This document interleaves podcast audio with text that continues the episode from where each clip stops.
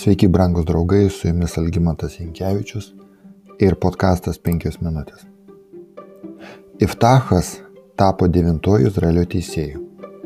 Šio žmogaus istorija yra tokia nuostabi, kad jai yra skirtas visas skyrius teisėjų knygoje.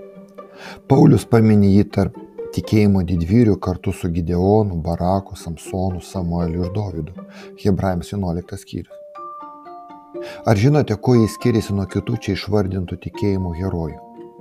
O būtent tuomi, kad jis skirtingai nei jie negavo atgamtinio dieviško kvietimo tarnauti kaip karo vadas ir tautos teisėjas.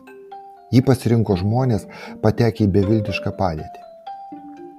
Jie vadovavosi savo viziją ir dalykų supratimu.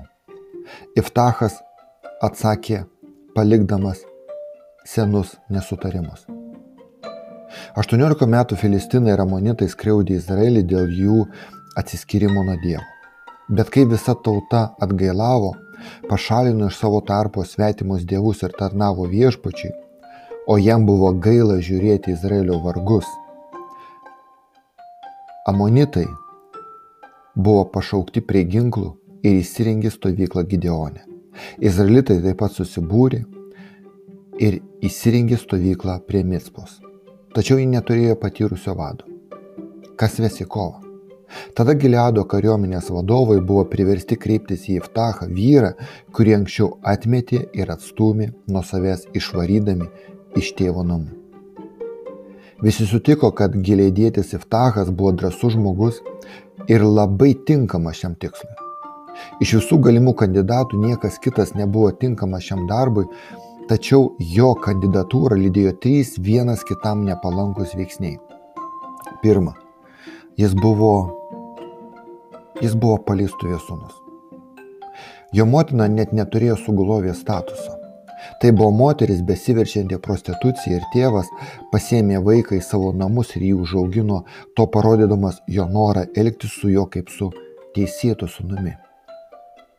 Tačiau užaugę jo broliai, teisėto žmonos vaikai išvijo jį, oficialiai vadovaudamasi taisyklė, kad nei paleistuvės, nei amonito, nei mobito sūnus negali patekti į viešpatės sueigą. Antroji aplinkybė - jis buvo tremtinys, jis buvo ištremtas, išvarytas iš savo tėvo namų. Be to, jis buvo pašalintas ne tik iš savo šeimos, bet ir iš šalies, nes jam buvo aiškiai pasakyta, kad jis neturi teisės į jokį palikimą. Teisėjų 11 skyrius.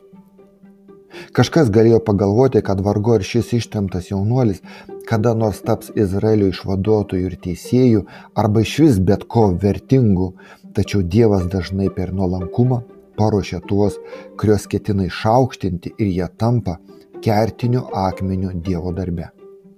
Juk Juozapą, Mozę ir Dovydą Tris garsiausius Izraelio vadovus žmonės taip pat atstūmė, iki kol Dievas pakvietė juos į didelę tarnystę. Trečia. Iftachas buvo, švelniai tariant, gaujos vadas. Tokie žmonės kaip jis ištremti ir be paveldėjimo iš visur susirinko pas jį ir dabar jis kėlė rimtą pavojų ne tik pagonėms, bet ir Izrael, Izraeliui, Izraeliui, atsiprašau, įskaitant jo buvusią šeimą.